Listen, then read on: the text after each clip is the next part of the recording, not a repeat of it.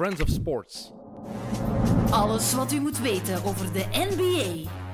Of toch volgens Dennis Sayed. Welkom bij XNO's. Welkom bij de X&O's podcast. Het wachten zit er bijna helemaal op. Voor jullie, als jullie dit luisteren, zit het er waarschijnlijk al helemaal op, want dan is het NBA-seizoen waarschijnlijk zelfs al helemaal begonnen. Wij nemen dit op op eh, zaterdag 19 oktober. Mooie, zonnige dag. Ehm, gelukkig verjaardag voor mijn pa trouwens, die vandaag, eh, wat is het, vandaag 62 jaar geworden zou zijn. Mag toch even vermeld worden. Ehm, maar wij gaan het natuurlijk hebben over het NBA-seizoen. We gaan nog een beetje vooruitblikken. En we, dat zijn Rick Samai en ik. Eh, Rick, welkom op de podcast vandaag. Ehm, ik heb met Thomas al alle ploegen overlopen. We hebben onze voorspellingen gedaan, vier minuten per team. We hebben het meestal binnen de vier minuten kunnen houden. Eh, wij gaan over andere dingen praten. We gaan straks de awards ehm, even proberen te voorspellen. Eh, alle awards. Maar eerst, ja, ben je klaar voor het seizoen? Want het is lang wachten geweest. En toch ook weer niet, hè? Want de NBA stopt niet meer. Nee, stopt niet meer. En als je, eh, goed, ook als je een beetje interesse hebt in pre-season en zo'n zaken, of naar, dat je kunt kijken naar, wat is summercamps en zo en allemaal. Dus. Maar alle, alles bij al moet je wel stellen, als je naar, eh, dus, eh, naar het seizoen toe komt, weet je van, dit is allemaal, eh, ja...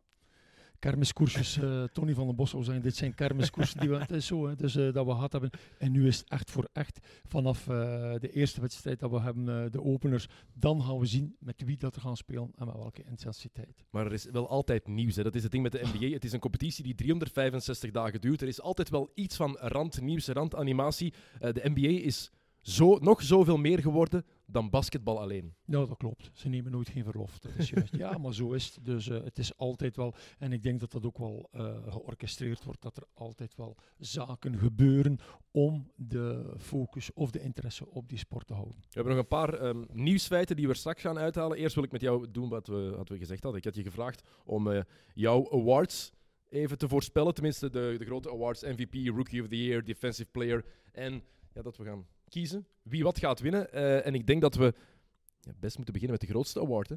De MVP-trofee. En misschien wel voor één keer de moeilijkste. Vaak kan je wel ongeveer weten van ik denk dat die mannen er dichtbij gaan zijn. Nu zijn er echt, in mijn ogen tenminste, zoveel kandidaten om MVP te worden. Ik heb er, eh, ik kom aan zes. Dus die de mogelijkheid kunnen hebben. En eh, als ik moet beginnen met mijn grootste favoriet, dan denk ik dat uh, Antetokounmpo dat is. Vorig jaar dat ook eh, trouwens gewonnen. En ehm, uit de zes die ik heb geselecteerd, eh, de speler nog met het meeste potentieel. Volgens mij met het gezondste lichaam van alle zes. Waarbij dat ik ervan van uitga dat hij, als hij geen, dat hij de meeste kans ook heeft om heel veel wedstrijden van de competitie te kunnen afwerken. De meest indrukwekkende atleet die er ook gewoon rondloopt in de NBA op dit moment waarschijnlijk. Het is moeilijk om te zeggen, want het is zo'n atletische competitie. Je hebt zoveel keuzes, maar als je kijkt naar hoe Antetokounmpo geëvolueerd is, hoe hij sterker blijft worden, de snelheid die hij in zijn lichaam heeft, is het nog altijd maar, wat is hij? Is hij 24 jaar, Antetokounmpo? Hij is zo ongelooflijk jong. En je ziet ook zijn spel is nog belangen niet, belangen niet afgerond. Hè? Nee, nee, nee, nee. Dat shot wordt eh, elk jaar, zien we dus dat dat shot eh, naar boven gaat. Dus die range wordt ook altijd maar verder. Anders was het dus een, eh, dichter bij de Mhm. basket. En liefst van al dan nog en juist in de bucket. Maar je ziet ook die range die gaat verder en verder. Waardoor dat hij polyvalenter wordt. Dat, waardoor dat ook voor elke ploeg moeilijker en moeilijker was. Wat moet ik er tegenop gaan, gaan plakken? Hè? Moet ik er een grote gaan opplakken? Dat is volgens mij niet. Daarvoor is hij te mobiel, te lenig, te snel. Hè, dus eh, moet ik er een kleine gaan opplakken? Ja, dan heeft hij dat gestaltevoordeel tot en met. En hij heeft die balvaardigheid. Dus eh, Hij wordt in december 25. Is nog altijd maar 24 jaar. Zit al in de NBA van 2013. Hè? wou ik net zeggen, dus, eh, zes, jaar, zes jaar heeft hij op de teller. En eh, als, je, als, je, als je hem ziet, ehm, voor iemand van dat gestalte, Waarom wordt hij MVP volgens jou? Hij is zo... ehm, Want er komt meer bij kijken. zeggen. Zeg mij eens wat dat hij niet kan als er één zaak is waar hij minder bedreven in is en dat wel, welke optie dat ik hem zou geven. Ik zou hem dus een three-point shot gaan Mhm. geven. Maar eh, dat zou wel eens kunnen eh, je ver- zuur opbreken als elk team dit zou gaan... Want het eerste dat hij gaat doen, hij gaat daarop gaan werken en hij kan... Alles kan hij verbeteren. Dus ik geloof ook wel, in- als je kijkt naar de vorm van zijn shot, heeft, eh, dat komt goed. Als, denk je ook dat hij het kan winnen als Milwaukee minder goed is, minder goed is dan vorig jaar? als Milwaukee niet de ploeg in de Eastern Conference is, als het duidelijk is dat Philadelphia echt wel de toon aangeeft en je merkt, oké, Milwaukee is een missen, Brogdon, Matthews is niet de juiste toevoeging, ze hebben toch een stapje teruggenomen.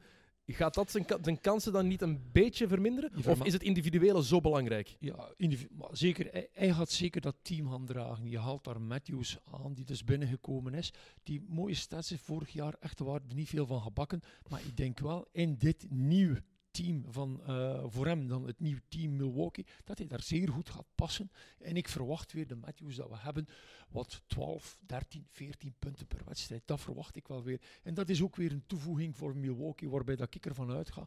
Dus dat ze een trapje hoger staan voor mij dan eh, Philadelphia. En verwacht je ook dat ze een stap vooruit gaan zetten dan? Want vorig jaar hebben ze 60 matchen gewonnen. Ik denk dat dat, eh, even, dat, het, dat zit er volgens mij zeker in. En waarom zit dat erin? Omdat je als je kijkt in het oosten. ehm, Daarom dat ik mijn geld meer op Philadelphia zet en dat ik kijk naar een Joel Embiid om MVP te worden. Ik vind het moeilijk. Ik heb ook inderdaad zes namen. Ik weet niet of we dezelfde namen hebben. Mijn zes namen die ik opgeschreven heb zijn... Het zijn er zelfs meer dan zes. Giannis Antetokounmpo, Ja. Joel Embiid, Ja. Nikola Jokic. die heb ik niet. Ehm, dit is voor mij één naam ergens. LeBron James, Anthony Davis. Het is moeilijk kiezen, maar één van die twee. Maar ik vrees dat altijd als je twee zo'n grote namen hebt, dat ze stemmen van elkaar gaan afpakken. Wat ook met Curry en Durant de afgelopen jaren het geval was. Ehm, Stephen Curry staat daar bij mij ook op als een van de kandidaten. En James Harden, zoals elk jaar. Je kan niet om, Ja. om Harden. En Curry heb ik ook, uiteraard. Heb ik één naam Maar niet gezegd? Ik heb eh Kawhi Leonard. Kawhi Leonard. Ja. Kawhi Leonard. Maar die, gaat te veel die gaat te veel matchen missen, denk ik. Ja, goed, oké. Maar eh, dat kunnen we dan ook zeggen van... eh, ik, ik, eh, ik vermoed ook dat Curry ook niet eh, zoveel wedstrijden... eh, hij zal geen 80 spelen hoor, daar geloof ik niet in. En het, is ook, het hangt ook af van het succes. Ik vind het heel belangrijk voor mij, tenminste, een MVP ben je als je ploeg ook goed, goed genoeg is. Ik vind dat je ploeg top 4 moet zijn in je conference om MVP te worden. De Warriors gaan dat niet halen. Nee. Ik denk dat Curry een MVP-type season gaat spelen. Hij gaat nog meer groen licht hebben dan anders. Ik weet niet of een, een licht ooit groener is geweest dan dat voor. Curry gaat zijn dit seizoen. Ik kan een Harden seizoen spelen. Niet, niet het Harden seizoen van vorig jaar, maar zo'n type seizoen kan hij spelen. 35 punten per match. Is volgens mij in staat om zelfs nog beter te doen dan, eh, dan 35 punten eh, te maken per wedstrijd. Maar het zou wel eens kunnen eh, voor hem verkeerd uitdraaien dat het in veel, veel, veel wedstrijden is waar het niet om te doen is. Hè. Dus dat hij, want als je moet een, kijken voor de playoffs, ik weet niet hoe dat, je- dat jouw playoffs, er, jij, had ze op 6 gezet. Ik heb ze op dacht ik, zes eh, de gezet in het Warriors. Dus ja, als ik dan, eh, ik maak de afweging Dallas of eh, Golden State Warriors en dan gaat mijn voorkeur naar Dallas. Dus in mijn prediction halen ze de playoffs niet. Ja, ik begin er ook meer en meer aan te twijfelen. Ik heb, ik heb nu al soms spijt van een paar beslissingen die ik heb genomen, maar Golden State, ja, vooral defensief. hè. Defensief hebben ze gaan ze problemen hebben. Maar het individuele, ik denk wel dat Curry, als die effectief het seizoen speelt dat we ergens verwachten, dat hij topscorer wordt, ik denk dat we daar bijna van mogen uitgaan dat hij topscorer wordt, als hij fit blijft natuurlijk. Ja. Maar als hij meer dan 35 punten per match scoort, als hij effectief iedereen zo kapot maakt, Hm. dan gaat hij zeker in de conversatie zijn voor MVP. Alleen het ploegensucces is zo belangrijk. En ik Jawel. En daar denk geloof, daar geloof ik niet in. Natuurlijk, Westbrook is ook MVP geworden toen OKC maar zesde was in het Westen. Ja, maar goed, de zesde, dat is nog altijd playoff schalen. Hè. Dus eh, jij gaat ervan uit dat je top 4 moet gaan halen voor alleen Voor dat mij dus, wel, eh, Ja, dus individueel. maar ik denk dat veel eer als eh, dat het ruimer wordt getrokken en dat ze gaan dus naar zaken van goed, we hebben de playoffs gehaald, daar kan je dus een MVP dus vanuit ga- gaan selecteren. Mhm. Maar ik denk dat Curry het ongelooflijk moeilijk gaat hebben, omdat zijn team volgens mij te, die hebben geen kwaliteit voldoende. En we weten allebei, Thompson, ja, wat gaat hij spelen? eh, Gaat hij zelfs wel spelen, gaat dat hij is de vraag. spelen? Gaat hij dat risico nemen? Dus eh, Oké, dus jij zegt Giannis Antetokounmpo MVP? Ja. Oké, ik zeg Joel Embiid. Ik geloof in Joel Embiid dat hij fit is geworden, dat hij beter aan zijn, aan zijn lichaam heeft gewerkt, dat hij niet meer elke dag vijf hamburgers heeft gegeten, dat hij effectief zijn ploeg gaat leiden. En als Philadelphia meer dan 60 matchen wint, nummer 1 wordt in het oosten, gaat Embiid het speerpunt zijn. Maar hij was dat vorig jaar ook al. Voilà. Dus, Hij dan- bepaalt alles daar. hij bepaalt alles, dat is één zaak. Een tweede zaak is van, je hebt eh, hier aangehaald, dus hij is aardig wat kilo's kwijt. Hij is eh, veel, veel, veel, veel beter atleet geweest, of geworden, dan dat hij dus eh, was. Ik vrees gewoon voor één zaak. Ik geloof niet in de gezondheid van Embiid om eh, een vol seizoen, MVP-seizoen, want Mm. ze gaan moeilijk een MVP gaan pakken die wat eh 20, 25 procent van het seizoen heeft gemist. Ja, het dat is gaan ze dus niet doen. Nee, dat, ga- dat gaat niet gebeuren. Dus eh, het heeft zeker niet te maken met zijn kwaliteiten eh, van Embiid, maar ik denk veel eer dus dat hij ten opzichte van, eh van Antetokounmpo veel minder wed- wedstrijden gaat spelen. Oké, second award, Defensive Player of the Year. Ja, daar ga je volgens mij ook niet te veel, geen, voor, voor mij niet te veel, geen nieuwe namen kunnen gaan, eh, gaan vinden. Mhm. Eh, ik ga nog altijd voor eh, Leonard. Ik ga voor Gobert en ik ga voor Green. Dus dat zijn de drie namen die ik heb. Leonard gewoon omdat hij, als, hij in, als je daar individueel moet gaan tegen gaan spelen, heb je ongelooflijke zware, zware problemen. Green, denk ik, al de vijf spelers die op het terrein offensief aan het spelen zijn en je speelt tegen Green, moet je opletten. Want hij is zo snel, hij is zo polyvalent dat hij alles aan kan. Hij is zo slim, hij is zo slim. En dan moet je Gobert er ook altijd bij nemen, want dat is een ongelofelijke rim protector. Hè. Dus, ehm, Eén naam van die drie, wie kies je? ehm, maar ik ga eens voor. eh, ja, ik ga voor eh, de herhaling van Gobert. Ik heb zelf, Derde jaar op rij dan. ja, maar ik heb zelf op een positie 4-5 gespeeld. Dus eh moet niet alles naar de kleintjes gaan. Dus eh, ik, ik vind jammer ook, dus een Marc Gasol, maar die is te oud geworden. dat is niet En- meer wat het En, was. daar, en daarvan is Gobert, denk ik zelfs, nog een veel, niet alleen jongere, maar een veel betere, veel mobielere, snellere, higher. Dus springt nog een etage hoger dan... met, met zijn wingspan ook. En als je kijkt, als hij switcht op een, op een, een small guy, Ja. hij wordt vaak geklopt op de eerste stap, want dat is logisch, hij is niet snel genoeg daarvoor, maar hij heeft wel de snelheid en vooral de wingspan, die lange armen, om daarna te recupereren. Om toch nog het shot te storen, de layup te storen, de shot te blokken. Hij kan altijd wel iets doen mhm, om, het, om nog een impact te hebben, ook al is hij geklopt. Dat klopt. En nog één iets moet je erbij zijn. Hij heeft dus de zaak eh, goed onder controle en hij weet zeer goed hoe dat hij moet doen zonder dat hij een fout maakt. Ja. Want hij is, je moet er eens op letten, hij is heel veel geklopt op die eerste stap, wat je zegt, en dan doet hij een correctie of kan hij dat eh, goed maken zonder dat hij een fout maakt. Ook dat is belangrijk. Oké, Rudy Gobert zeg. Ik zeg Giannis Antetokounmpo. Nummer twee vorig jaar in de verkiezing voor Defensive Player of the Year. En heeft misschien nog langere armen dan Rudy Gobert. Is bijna even groot, maar is iemand die je wel effectief kan gebruiken in elke switch. Je kan Antetokounmpo in elke defensieve situatie zetten. Je kan hem laten switchen op een small guy, want hij heeft wel die voetsnelheid, die laterale snelheid, die snelle voetjes die Gobert minder heeft. Mhm. Ehm, hij heeft ook de kracht en het vermogen om terug te herstellen als hij een foutje maakt. En je moet er eens op letten wat Draymond Green fantastisch doet. ehm, is dat hij heel goed kan anticiperen, zoals een free safety in het American football. Die heel goed kan, kan roamen. Weet waar hij naartoe moet gaan op het terrein. En die heel goed weet dat hij zijn, welke man hij even kan laten staan om iemand anders te gaan helpen. Klopt. En Antetokounmpo is ook een van de beste helpverdedigers in de NBA. En dat is iets wat, wat je eigenlijk nooit ziet, want we praten over Kawhi Leonard als topverdediger. Dat is dan vooral omdat je kijkt naar hoe hij on-ball verdedigt. Nou, Terwijl hij ook off-ball Ja, goed is. Maar Dat, is ook een van de redenen waarom dat hij dus eh, dat ik hem ook geen eh, defensive eh, player eh, uitroepen, omdat ik vind één tegen één zou ik er nooit willen zou ik nog wel die Jamais. Allee, want dat is een van de moeilijkste taken dat gaat hebben om daar tegen te scoren. Maar dat is geen goede extra team defensive player. Hij, gaat, eh, hij brengt er weinig extra toe. Je hebt één groot voordeel. Als hij aan het verdedigen is op de rechterkant en je bent een van de grotere spelers, dat je weet, van daar gaat er niet veel doorkomen. Daar zitten we redelijk goed en kan je oriënteren dan op de andere kant, op de weak side, waar eh Leonard aan het eh, verdedigen is. Maar ik wou terugkomen op waarom dat ik Antetokounmpo niet zou nemen, omdat voor hem het, het belangrijkste gaat zijn, primair volgens mij, gaat offensive side zijn. Ik zeg niet dat het, het is, ziek, het is een hard worker, een hard ass, Mm. hè, die aan het werken is defensief. Maar hij moet het voortouw nemen bij Milwaukee om dat team offensief op de reis te houden. Die twee anderen dat we genoemd hebben, Green moet dat zeker niet doen. En Go- Gobert moet dat ook niet Maar doen. heeft Janis vorig jaar ook gedaan? Ja. Offensief alles gedaan. En dat was, heeft geen impact gehad op zijn defensief spel. Hij was, voor mij had hij vorig jaar... Ik had hem. Verkozen als def- Defensive Player of the Year als ik een stem zou gehad hebben. Ehm, het is Gobert geworden, waar ik ook wel in kan komen. Zeker omdat Utah een van de beste defensieve ploegen in de NBA was en waarschijnlijk ook zal zijn. Maar de impact die Janis kan hebben op elke aanval van de tegenstander, letterlijk op elke aanval, maakt niet uit of hij helemaal in de weak side staat, of je moet komen helpen in de lijn ring-ring Ja. even komt staan, of hij effectief een switch moet switchen, of hij effectief gewoon een man uit de match moet houden. Ja, ja. Inside, outside.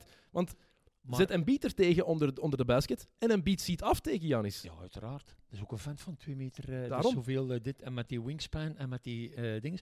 Wat je ook nog het voordeel hebt, denk ik, van die grotere spelers, van die centers, is ze zitten altijd in een defensieve situatie die eindigend is. Mhm.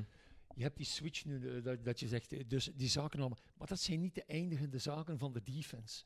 En daarom denk ik dat het veel meer opvalt. Waarom moet je, ah, ah, hebben we anders dus eh Gasol kunnen hebben. Dus dat zijn ook allemaal zo kerels die zich ongelooflijk goede plaatsing hebben. Maar in een veel beperktere ruimte. En altijd de finish van een offense.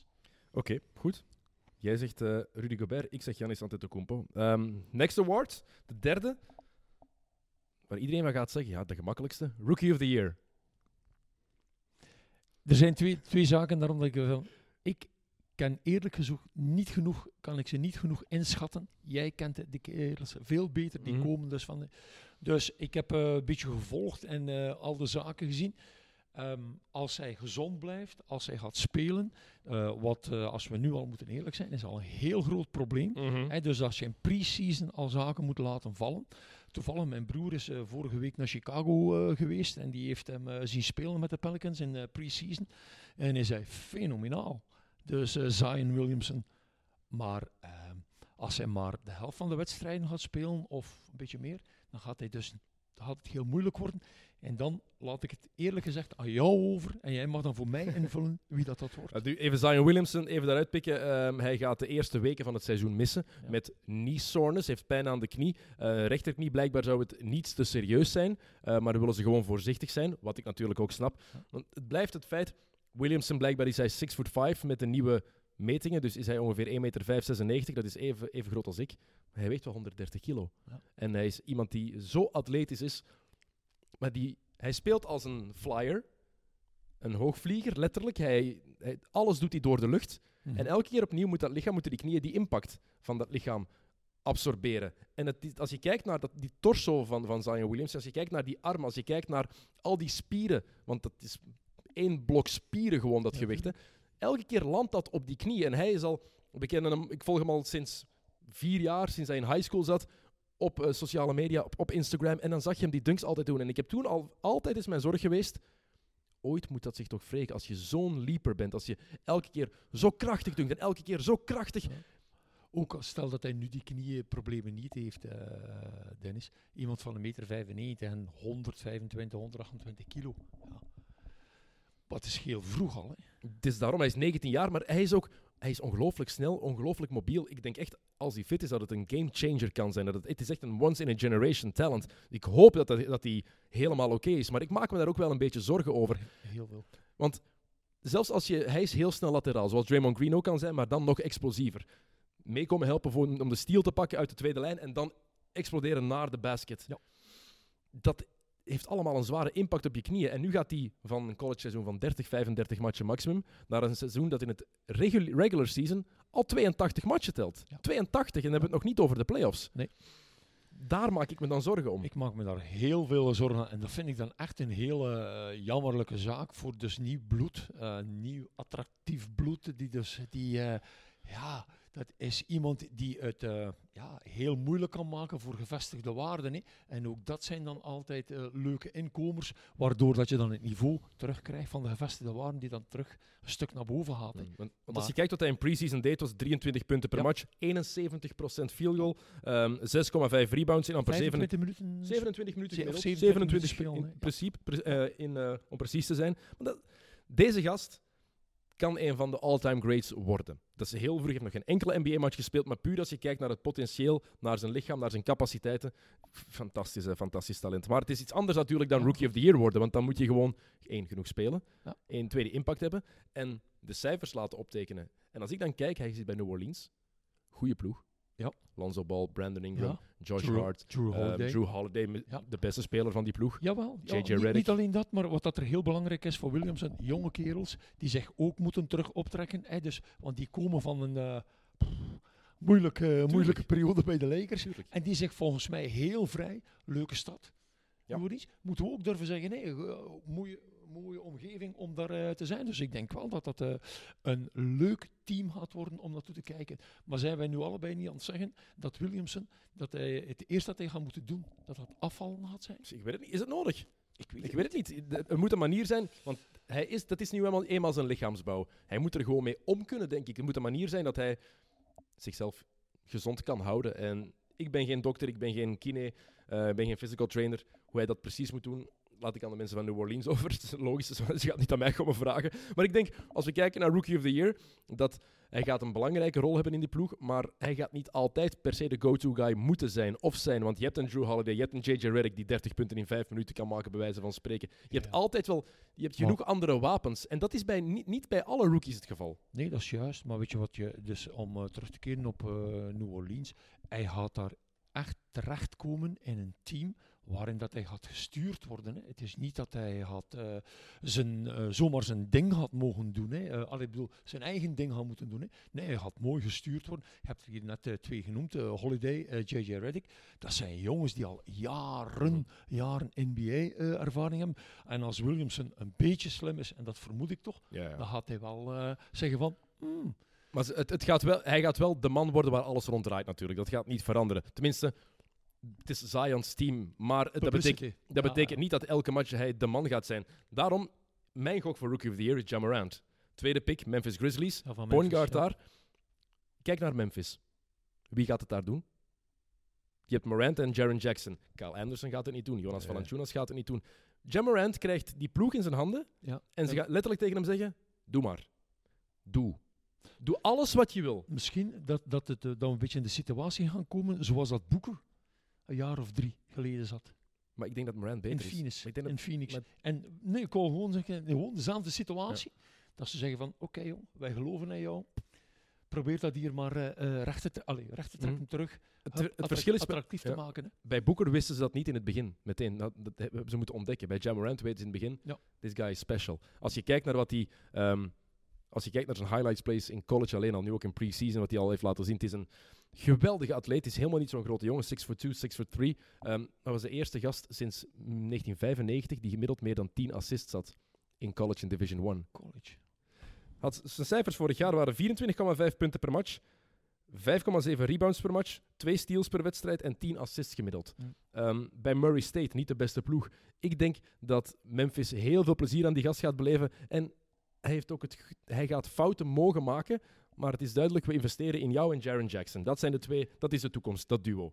En ik denk dat die cijfers indrukwekkender gaan zijn dan die van Zion Williamson. Betekent niet dat Zion Williamson beter gaat zijn. Kijk naar Rookie of the Year conversatie 2013. Anthony Davis was het number one pick het jaar daarvoor. Ja. Damian Lillard is, MVP is eh, Rookie of the Year geworden. Omdat zijn, stijf- zijn cijfers ook gewoon indrukwekkender waren ergens. En omdat hij nog meer groen licht kreeg. En nog altijd krijgt. En nog- In Portland. Gaat Ik moet zeggen, er was nog een derde naam die ik had. eh, Garland. Darius Garland. Ja. Maar ja, Komt die? Nee? Cleveland. Ik- Ja, tuurlijk, Cleveland, uiteraard. Dat is, eh, ja, dat is kelder, eh kelderbasketbal. eh. Memphis is ook kelder ja. basketbal, maar dat gaat nog mooi worden, denk ik. Ik denk dat Cleveland echt een absolute horrorshow gaat worden, Ja, vrees ik. Want RJ Barrett kan je ook zeggen, want die gaat ook mogen doen wat hij wil ergens, maar ik denk bij RJ Barrett zit in een ploeg met Julius Randle, Marcus Morris, Bobby Portis. Dat zijn allemaal gasten die zich wil- willen laten gelden. Die gaan willen laten zien, hey, look at us. Ja. En dat Jij- gaat bij Memphis niet zo zijn. Jij had niet de eerste of de tweede of de derde viool mogen spelen. Ja, oké. Vrees ik voor, hè. Dus we gaan voor Morant. Ik ga voor Morant, ja. ik ook. Oké, dan, dat ga ik, dan ga ik mee met jou, omdat ik, eh, ik heb je aangehaald. Dus eh, Zion, eh, ik vrees voor hem. Ik hoop, laten we wel posi- positief Ja, blijven. we hopen dat het goed is. Allee, we moeten positief blijven, maar eh, het zou kunnen eh, een moeilijk, moeilijk, moeilijk NBA-carrière worden voor die jongen. Laten we hopen van niet. Laten we hopen dat hij een moderne Charles Barkley wordt. Dan heb ik het over Barkley bij de Sixers. Wauw. Rebounds pakken, coast to coast en iedereen kapot maken. Ja. Heerlijk. Ehm, goed, nog drie awards die we moeten doen. Ja, een paar moeilijke. Eerst Six Man of the Year. Daar heb je veel kandidaten ook. Hè? Ik weet niet, eh, zoveel kan die- volgens mij zitten er twee bij de Clippers die Mhm. mogelijkheid hebben. Williams. Altijd. eh, en eh, nadat, naast Williams hebben we Harrell. Dat zijn er volgens mij twee. Dan heb ik, eh, denk ik, Bazemore. Die heeft volgens mij ook een mogelijkheid bij Portland. Komt daar ook, eh, dus van Atlanta gespeeld. Ja. Is zeker iemand met heel veel potentieel. Komt daar als zesde man. Dus dat is volgens mij een mogelijkheid. En ik denk door eh, het wijzigen van het team in Toronto, dat Fred van Vliet zou ook wel eens kunnen kandidaat worden voor Sixth Man of the Year. Dat zijn de vier jongens. Ja, Williams, iemand die 20 punten kan maken en meer. eh, wedstrijd na wedstrijd, dan moet je sowieso. Harold is volgens mij eh 4-5 speler, heel veel goede power en eh, dit en dat. Ehm, is wel iemand naar mijn hart. Eh, Echte energy guy, hè? ja, ongelooflijk. En ik denk eh, ten opzichte van Zubak zou hij wel een totaal hele goede, mooie toegevoegde waarde kunnen zijn. Had, dat, had ook heel veel op het terrein staan met Williams. Dus ik denk eh, die second unit van de Clippers, hm, Ik, ik geloof daar ook in, dat, zit, eh, dat ziet er echt goed uit hoor. Dus, en dan ja, heb ik Fred van Vliet. Ja, man, man, man. kan een beslissend shot maken. zo dreigend van achter die driepuntlijn. smart. Goede pas in zijn handen. Dus ja, dus dat is iemand eh, die erbij komt. En dan, ik zeg het, Ken, Kent Bazemore. ehm, die linkshandige kerel, ja. eh, altijd moeilijk om tegen te verdedigen. dus... eh, maar voor wie ga ik? Eh, Zeg het maar. kijk, ik ga voor, ik ga voor Harold. Oké, mooi. Ik heb hier ook een paar namen opgeschreven die jij had. Harold. Mijn grote favoriet is Fred Van Vliet. Zet ik op één. Van Vliet is mijn... waarom? Ehm Kawhi is weg bij Toronto. Ja. Ehm, Danny Green is weg bij Toronto. Van Vliet heeft in de finals laten zien wat voor een ongelofelijke clutchplayer hij Ja. kan worden. Zonder Van Vliet wint Toronto de finals niet. Hè. Nee, nee, dat is juist. Het enige probleempje dat er misschien is, eh, Dennis, Laurie is niet weg. Maar En- maakt dat uit? Je, je kan, Dat weet ik niet. Ik denk, Dat- dat, je- ik denk dat ze in de niet. finals hebben laten zien dat ze die twee perfect kunnen combineren. Ik probeer te zeggen van, als we Van Vliet zeggen, meer minuten gaan geven, gaat het eh, ten koste dan gaan van Laurie. En gaan ze dat doen? Maar ik, ik, zie, ik zie ze die gewoon samen opstellen nog hoor. Want ga je Stanley Johnson of Ronnie. Hollis Jefferson in de Kan. plaats? Want Laurie is echt, dat is dat is een powerman. Hè? Tuurlijk, Dus, en je eh, kan die, twee eh, perfect is combineren. Ze hebben Dat allebei een goed shot. Dat klopt. Dus eh, Ik denk dat hij Ja. meer verantwoordelijkheden gaat krijgen, meer minuten gaat krijgen. En dat hij vooral inderdaad meer, meer kansen gaat krijgen om zijn stats te laten optekenen. Ja. En Six Man of the Year is heel vaak ook puur statistieken. Jamal Crawford, Lou Williams. ehm, dat zijn Six Man, James Harden dat ene jaar, ook al was hij fantastisch inderdaad. Het gaat over statistieken vaak. En ik denk dat Van Vliet die gaat laten zien. Kawhi is weg, Danny Green is weg. Dat zijn dingen die opgevangen moeten worden. Hollis Jefferson gaat het niet doen. Stanley Johnson gaat het niet doen. OG Ananobi komt terug uit een blessure. Dat weet ik ook niet hoe die gaat terugkomen. Gaat Daarom- Siakam dat allemaal wel bewijzen? Ik bedoel maar om eh, dat hij wel qua prioriteit, dat hem wel een van de eerste prioriteiten zou kunnen zijn. Dus in tuurlijk. dat team. Dus, Tuurlijk. dit en, dus en wat het volgens mij ook is, als je van Vliet kijkt, dus qua shooting is hij beter dan Danny Green. Hè? Ja, en ik denk dat die finals, die, ehm, die prestaties die hij heeft laten zien in de finals, dat die zo... ja, die gaan hem echt omhoog Abs- liften. Ja, dat denk ik ook. Dat- dat vertrouwen Zeker gaat hem een weten. boost Jawel. gekregen hebben. Jawel. En eh, hij draagt een ring. Hè? Voilà. Dus dat is altijd belangrijk. We hebben dat al meer gezegd. Dat is niet alleen voor coaching, dat is ook voor spelers. Hè? Ja. Dat er daar eh, een zo'n belangrijke eh, factor is. Ik heb nog twee andere namen die ik... Voor mijn top drie dan. Ehm Montrezl Harrell is er eentje van. Montrezl Harrell zet ik ook in mijn top drie. En Spencer Van de Oh. Brooklyn Nets. Als die van de Eh. bank komt, want die gaat van de bank komen daar. Normaal gezien, want Joe Harris gaat starten. Die was Caris al- LeVert, daarom die was vorig jaar al top. En als echt de leider van de second unit gaat hij richting de 20 punten per match gaan. Mm. Ehm, ik zie die gast ook gewoon graag spelen, eerlijk toegeven. Ik vind het die coole stijl, mooie speler, Ja. efficiënt eigenlijk. En Ja. nog altijd, zelfs ook al, ook al weten we al twee jaar dat hij echt goed is, een van de meest onderschatte NBA-spelers die, er, eh, die, er, die er zijn.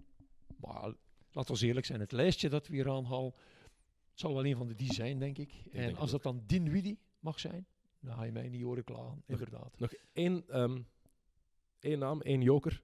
Derrick Rose. Bij Detroit. Je weet nooit, hè. Als Derrick Rose effectief is, fit kan blijven een heel jaar en goed is, waarom niet? Eh, maar ik zeg dus Fred Van Vliet. Dat is mijn keuze. Jij houdt het bij Harold. Oké, Ja. goed. Ehm, nog twee awards. De moeilijkste, dit is de meest onvoorspelbare, Most Improved Player. Ehm, je hebt al gezegd in voorhand, voor we aan begonnen, van ik denk dat ik daar een joker ga inzetten. Ja. Dus goed, want ik heb drie namen. Ehm, ik weet niet of ik er zelf helemaal in geloof, in mijn, in mijn namen. Zeker in mijn eerste. Maar de eerste is ook een beetje hoop. Ik probeer vandaag heel hoopvol te zijn op deze mooie 19 oktober. Markel Fultz. Hoe tof zou dat zijn? Markel Fultz. Die mens heeft 33 matchen gespeeld in zijn volledige NBA-carrière. Niet meer dan dat. 33 maar, hè. Nummer 1 pick van 2000. Moet je even beginnen denken. Welk jaar? 17? Ja. Een trade die Philadelphia, waar die niet goed is gelukt is. Daarvoor hebben ze Jason Tatum eigenlijk opgegeven. Maar als je die gast zag spelen in college, was het zo'n goede speler. En dat shot ziet, iedereen zegt, ja, het verbeterde shot. Nee, het ziet er nog altijd niet uit. Hij hapert nog altijd. is nog altijd met zo'n... zo'n ja, ik weet, klopt niet. Iedereen die ooit een shot, een basketbal heeft geschot, weet, daar is iets mis mee. Hm. Je voelt dat. Maar, goede atleet, nog altijd 6 foot 5 ongeveer. Ehm, stevige kerel, snelle voeten, hele goede verdediger in wording. Het is ook nog altijd de jongste speler ooit die een triple-double heeft laten optekenen. Is het veel waard, een triple-double? Niet per se. Maar het zegt wel Het veel zegt- over, Het zegt wat eh, zijn potentieel en het zegt wat dat hij kan. over zijn maar, eh, capaciteiten, dat die toch wel uitgebreid zijn. Ja, maar ik doe, ja, allee, En bij Orlando, de point guard daar is DJ Augustine. Ja. Ik zie hem die rol wel overpakken. Als, als je hem uiteindelijk 30 minuten per match kan spelen en hij kan misschien zijn speelstijl een beetje proberen aanpassen en niet die scorer zijn, maar wel die slasher en drive en kick. Ik denk, Waarom niet? Goed, ja. Allee, ik bedoel, als zijn, zijn, zijn mind, als die, als die mee wilt, want dat is het grootste, Mhm. dat is het grootste euvel. En eh, hoopvol blijvende, zoals dat jij nu net komt van te zeggen. Hij zou wel eens kunnen eh, dat eh, vanuit de luwte nu komen. Hè. Dus eh, er was zoveel om te doen, zoveel, zoveel. Dus eh, er zijn andere eh, eh, eh, snaren die nu moeten bespeeld worden. Het is toch waar, Ja. wat, er van al. En er, want ik moet zeggen, ik, als je voelt eh, tegen mij zegt van, ik zeg, wow, wat is dat hier voor... Maar ja, goed, ja, dat potentieel is er. Als, dan, ja, als, als dat hoofd mee wil, en dan kan je komen vanuit een team Orlando, ja, die gaan zeker de playoffs halen. Ik denk dat ook. Dus eh, ja, ik ben, er, ik ben ervan overtuigd dat dat waar zijn. Dus maar, dat weet ik niet, maar ik ga ervan uit dat hij dat, dat hij de playoffs haalt. En eh, zoals dat je zegt, eh, hij komt niet achter de beste point guard. Hè. Nee, daarom. En ik zie hem het echt wel overnemen. Het enige nadeel is, ja, ehm, in zijn eerste seizoen 14 matchen gespeeld. Vorig jaar 19. Het kan alleen maar beter gaan. Hè? Ofwel gaat het beter, ofwel ligt hij eruit. Dat zijn de twee opties. En ik denk dan, Orlando heeft zijn contract die optie gelicht. Ze gaan niet voor niets 10 miljoen geven aan een speler waar ze op training geen goede dingen van zien. Nee, dat is juist. Lijkt mij dan toch. 10 miljoen is toch veel geld om eh, Number one pick. in zo'n... Ja, klopt. Mijn twee andere kandidaten. Bam Adebayo, center van de Miami Heat. Whiteside is daar weg, een heel andere ploeg. En hij gaat nu echt de eerste optie zijn onder de borden. Spoelstra als coach. Spoelstra als coach. Ik vind, ik ben- vind Adebayo ook een fantastische speler. Echt. Energy guy, geweldige atleet. Atletisch. Ja, goed, ja. Als we over NBA spreken, ja, als je daar niet atletisch bent, is, eh, of, dan heb je het eh, ongelooflijk moeilijk. Hè. Ja. Dus, ja. En mijn derde naam, misschien een beetje verrassend.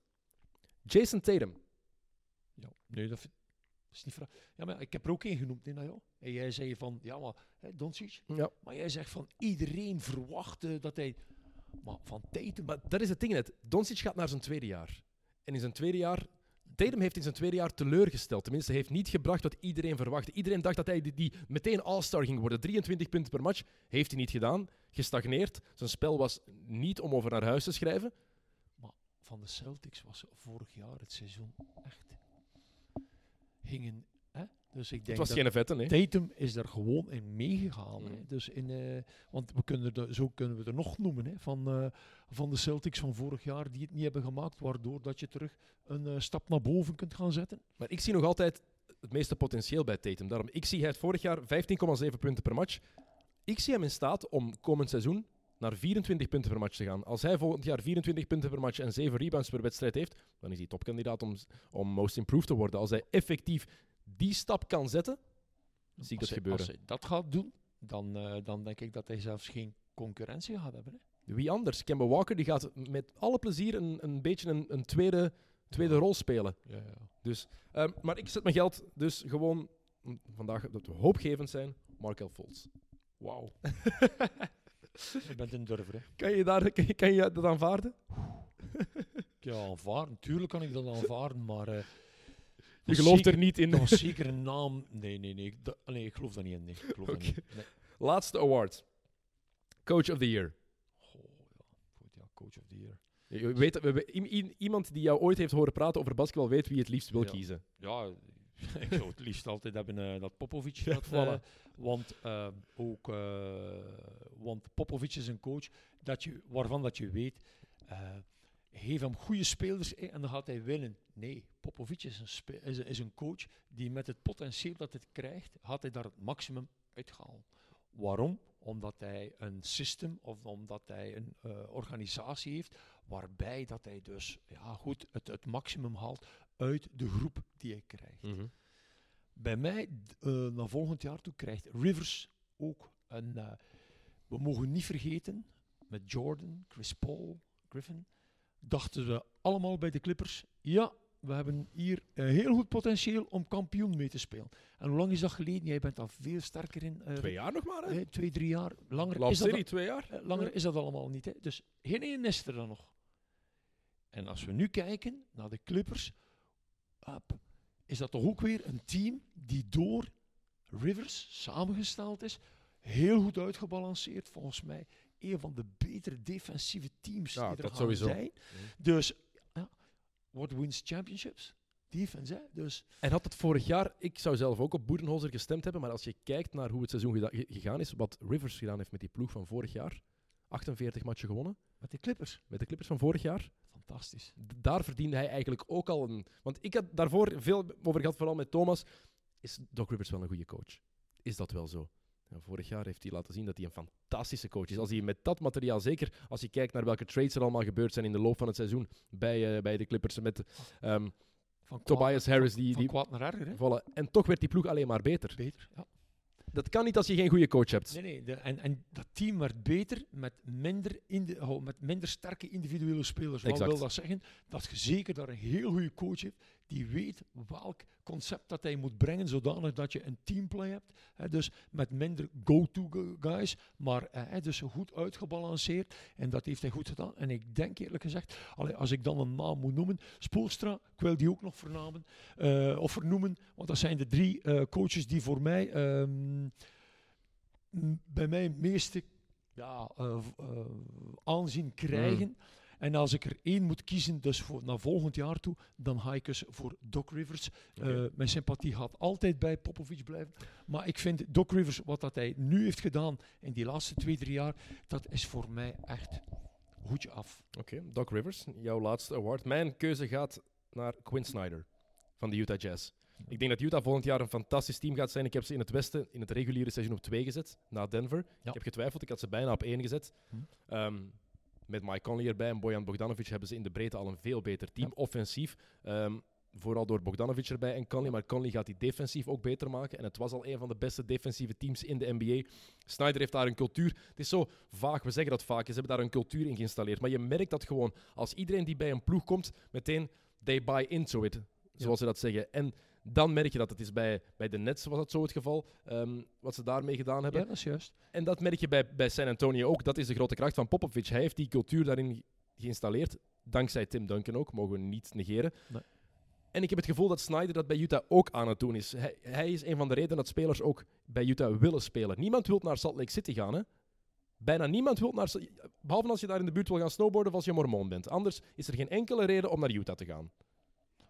Wij, wij hebben al slechtere of moeilijker plaatsen gedaan. eh, dus, Cleveland eh, bestaat ook nog altijd. Nee, dus, eh, dat klopt. Maar om daarop in te pikken van Snyder, we moeten eerlijk zijn, de Jazz hebben na Sloan een periode gehad dat ze moeten zoeken hebben Mhm. naar een coach. hè. Het zijn er veel die echt...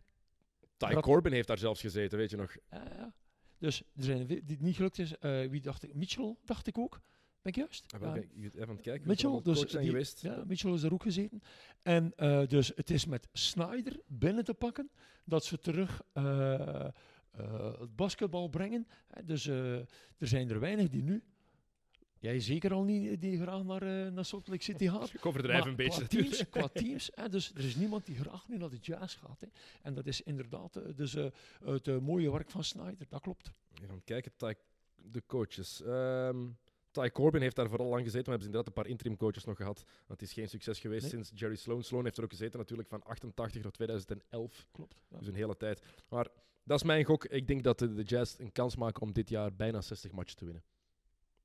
En dan moet je daar rekening, altijd rekening mee houden. Goed, dat waren onze awards, alle zes al. Eh, dat is mooi. Ehm, wat ik jou nog wilde vragen. ehm, ik heb met Thomas nu vooruitgeblikt op alle teams. Je kan natuurlijk nooit alles behandelen. eh, want bijvoorbeeld mensen die zeiden van ja, de Knicks, jullie hebben amper over Julius Randle gepraat. Ja, keuzes maken. Je hebt vier minuten per team. je kan niet over alles uitgebreid praten. Welke drie ploegen, naar welke drie ploegen kijk jij het hardste uit het komende seizoen? Dus ik kijk zeker uit naar de Clippers. Mhm. Ik kijk zeker uit naar Milwaukee. Ja, jij had wel een, eh, naar Philadelphia uitkijken. Dus eh, naar Milwaukee. En dan mijn derde was, ofwel was dat Denver. Trouwens, we gaan volgend seizoen met, eh, met de mannen van met de NBA-mannen gaan wij volgend jaar naar Denver. Die hebben eruit. Allee, we hebben die eruit Moet een toffe stad zijn trouwens. Ja, dus daar gaan we naartoe gaan kijken. Maar ehm, ik ga het toch houden. Ik ga niet naar Denver kiezen, maar ik ga Dallas kiezen. Oké. Vooral die laatste keuze vind ik heel interessant, want dat is ook een van mijn drie teams. Van- Eh, frivol, Als je moet kiezen is het moeilijk, hè? fris, ehm, in, een, in een omgeving, eh, een zaal, ehm, altijd leuk. Eh, de gym van, eh, van Dallas is echt eh, leuk om naartoe te gaan. Heel veel sfeer. En ik denk dat niet alleen de sfeer op die banken gaat zijn, maar dat we tussen de lijn echt heel, heel, heel... Want Doncic is echt iemand die veel kan laten zien. En het potentieel die daar nu rondloopt, of is het al een heel pak beter dan... is- eh, Het is een toekomstige MVP-kandidaat, hè, Ja. Doncic. Ik geloof daar effectief in dat het een toekomstige MVP is. Ja. Zo goed is hij. ja, zeker. Ehm, het is ook het eerste jaar na Nowitzki. Wel, Hoe, ra- hoe raar gaat dat zijn? Gewoon, Nee, zo, maar zo kan het wel kunnen zijn voor Doncic dat dat een goede zaak is. Eh je eerste jaar kunnen spelen, afscheidstoer van eh Nowitzki, daar heel veel belangstelling aan gegeven. Mhm. En terwijl ben je aan het, hè, dus aan het ontplooien. Hè. En met Porzingis daar natuurlijk bij. Hè. Het is de Ja. vraag hoe fit hij gaat zijn, maar die mens heeft 18 maanden gerevalideerd. 18 maanden heeft hij niet gespeeld. Ja. Die- Maar Het ene, eh, ik bedoel, dat is, dat is heel lang, dat is juist vroeg. Maar eh, die jongen is nu ondertussen, denk ik, eh 4, 25 Ah, jaar wel, ik, in, de, in, die buurt. ik ga Eh, even dubbel checken. ja. Het gaat zoiets moeten, het gaat jonger zelfs, denk ik. Eh, Porzingis is geboren in... is 24. Dat is 24 jaar. Augustus 1995. Ik, allee, ik kan er maar één ding op zeggen. Eh, ik, ben, ik zelf ben 21 man uit geweest. En ik was toen 31 jaar. Dus eh, er stond veel, allee, wat betreft, dus, dat lichaam had al... eh, en ik moet zeggen, ik heb nog vijf prachtige jaren kunnen spelen. Dus die jongen is 24 jaar. Dus die zal zeker in veel betere omstandigheden dus gerevalideerd hebben. Als dat lichaam goed is, dan denk ik dat we daar ongelooflijk veel plezier gaan hebben van, van, ja, van die twee kerels. Ik maak me alleen altijd een beetje zorgen bij Dallas over Rick Carlisle. Blijkbaar is het, de minst is het echt een reden dat veel spelers niet voor Dallas willen gaan spelen. Eh, hebben verschillende spelers anoniem gezegd eh, de laatste weken. En als je kijkt, Carlisle heeft bijna met iedereen gebotst die niet Dirk Nowitzki heet. Hè?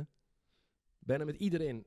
Elke point guard die daar gepasseerd is, heeft Jason Kidd heeft er jaren gezeten, heeft jaren problemen met Carlisle gehad, omdat Carlisle letterlijk elk detail wil bepalen van hoe zijn ploeg speelt. Ik vraag me af, met Doncic in zijn eerste jaar ging dat natuurlijk goed. Gaat dat zo blijven gaan? Want Doncic is een heel creatieve speler met een heel hoog basketbal-IQ, die zijn eigen ding ook wel gaat willen doen op termijn. En ik weet niet of Carlisle daarmee gaat om kunnen. Hij, ook, gelukkig weet hij wel, dit is de toekomst. Deze twee, Doncic Ja. en Porzingis, daar moet ik vol een bak op inzetten. Maar wees nu eens eerlijk, Dennis, als je nu kijkt naar Carlisle. Hè, dus, dat is verdorie een heel verstandige hè, coach. En eh, als je ziet, hij gaat ook wel voelen als die inbreng van die heel, eh, van die twee spelers die, zoals dat je zegt, die graag improviseren. En die graag dus weglopen van, hè, van, van, van, van, van, de, van, de, van de basketbalboek. Eh, maar als dat rendeert, hè, dus dan denk ik wel dat eh Carlisle gaat zeggen van op het einde, at the end of the day, moeten we wel wedstrijden winnen. Dus Oké. ik denk daar niet echt dat, allee, ik zie daar niet echt een, een graad in, denk ik. Oké, goed. Nog één dingetje en dan, eh, dan, ga, ik, dan ga ik je laten. Ehm, de Sacramento Kings hebben een, eh, dat is een van de drie ploegen waar, als ik drie ploegen moet kiezen, waar ik heel hard naar uitkijk, hebben een aanbod, hebben een bod gedaan om het contract van Buddy Hield open te breken, tenminste te verlengen. Ehm, het was vier jaar 90 miljoen dat ze hebben aangeboden. Eh Hield is daar ongelooflijk kwaad om. Hij vindt dat een belediging. Zo'n laag contract. Hij wou eh, minstens 110 miljoen voor vier jaar. Ehm, wat vind jij ervan? Is dat een belediging? Is dat te weinig voor een speler als Buddy Hield in deze tijd? Want 90 miljoen voor vier jaar in 2019 is niet meer wat het in 2014 was. Nee, nee, dat klopt. Dat klopt. Maar ehm, ik vind dat zeker geen eh, belediging. Het enige wat ik zou kunnen eh, daarover zeggen naar Buddy Hill toe, wel speel dit jaar en toon dat het een eh, belediging is. hè. Want hij had vorig jaar 20,7 punten per match, 5 rebounds, 2,5 assists, 43% van achter de driepuntlijn. Dat is fantastisch. Dat is, dat is, dat is onwaarschijnlijk. Ehm, het is wel iemand die elk jaar beter wordt. En wat ik me dan afvraag is, hadden ze dat contract wel aan Harrison Barnes mogen geven? Die contractverlenging. In mijn ogen dan denk ik van, je had beter Barnes niet betaald en ingezet op Buddy Hield en volgend jaar op De'Aaron Fox en op Marvin Bagley, in plaats van Harrison Barnes te gaan betalen. Ik zie daar nog altijd verkeerde, geen... verkeerde speler eh, Ja? eh, is ook eh, vertrokken. eh, laten we zeggen, eh, vanuit eh, de Warriors is hij ook moeten vertrekken. Waarom? Omdat hij ook waarschijnlijk wel aanvoelde dat hij eh, niet het eh, potentieel had om daar een eh, belangrijke rol te kunnen spelen. hè. Hm. Maar Ik ben even aan het kijken. Het contract van Harrison Barnes is, het het loopt af, maar 24 miljoen, 22,2, 20,2, 18,3. Buddy Hield verdient minstens evenveel, voor mij. Maar als je die 19 miljoen neemt, eh Dennis, is dat ook eh, Ja, hetzelfde? ongeveer. eh, ik denk Barnes, dat, denk dat Hield zichzelf Ja. een stapje Maar hoger ziet. Ja, misschien wel, maar, maar Gielt is toch niet iemand voor een max deal? Hè? Nee, vind ik ook niet. Dus ja, goed. dus, ehm, Maar dit is 100 miljoen. Ja. Wat, ongeveer wat, wat Barnes gekregen heeft. Ja. Dus jij vindt dat de Sacramento niet hoger moet gaan? Want hij heeft al gezegd van ja, dan ga ik wel ergens anders kijken. ja, wat ik net zeggen, je, je moet ook, eh, wij moeten de rekening niet maken van Sacramento. Mhm. Ik denk dat ze daar perfect ook weten dus wat hun eh, budget is en wat, eh, wat zij kunnen spenderen aan hun, aan hun spelers. Die exposure dat ze krijgen vanuit Sacramento, ja, dat is bij lange niet. ook al is het nog, weet je nog, de periode dat ze daar dus, ongelooflijk goed spelen. De Sacramento Kings zijn nooit eh, een team geweest van de NBA Je gaat Die- geen free agent lokken daar. Nee, dat Nee. ga je niet doen. En, en wa- wat je ook krijgt, dat, dat, is eh, drie of vier jaar de Lakers hebben geen bal.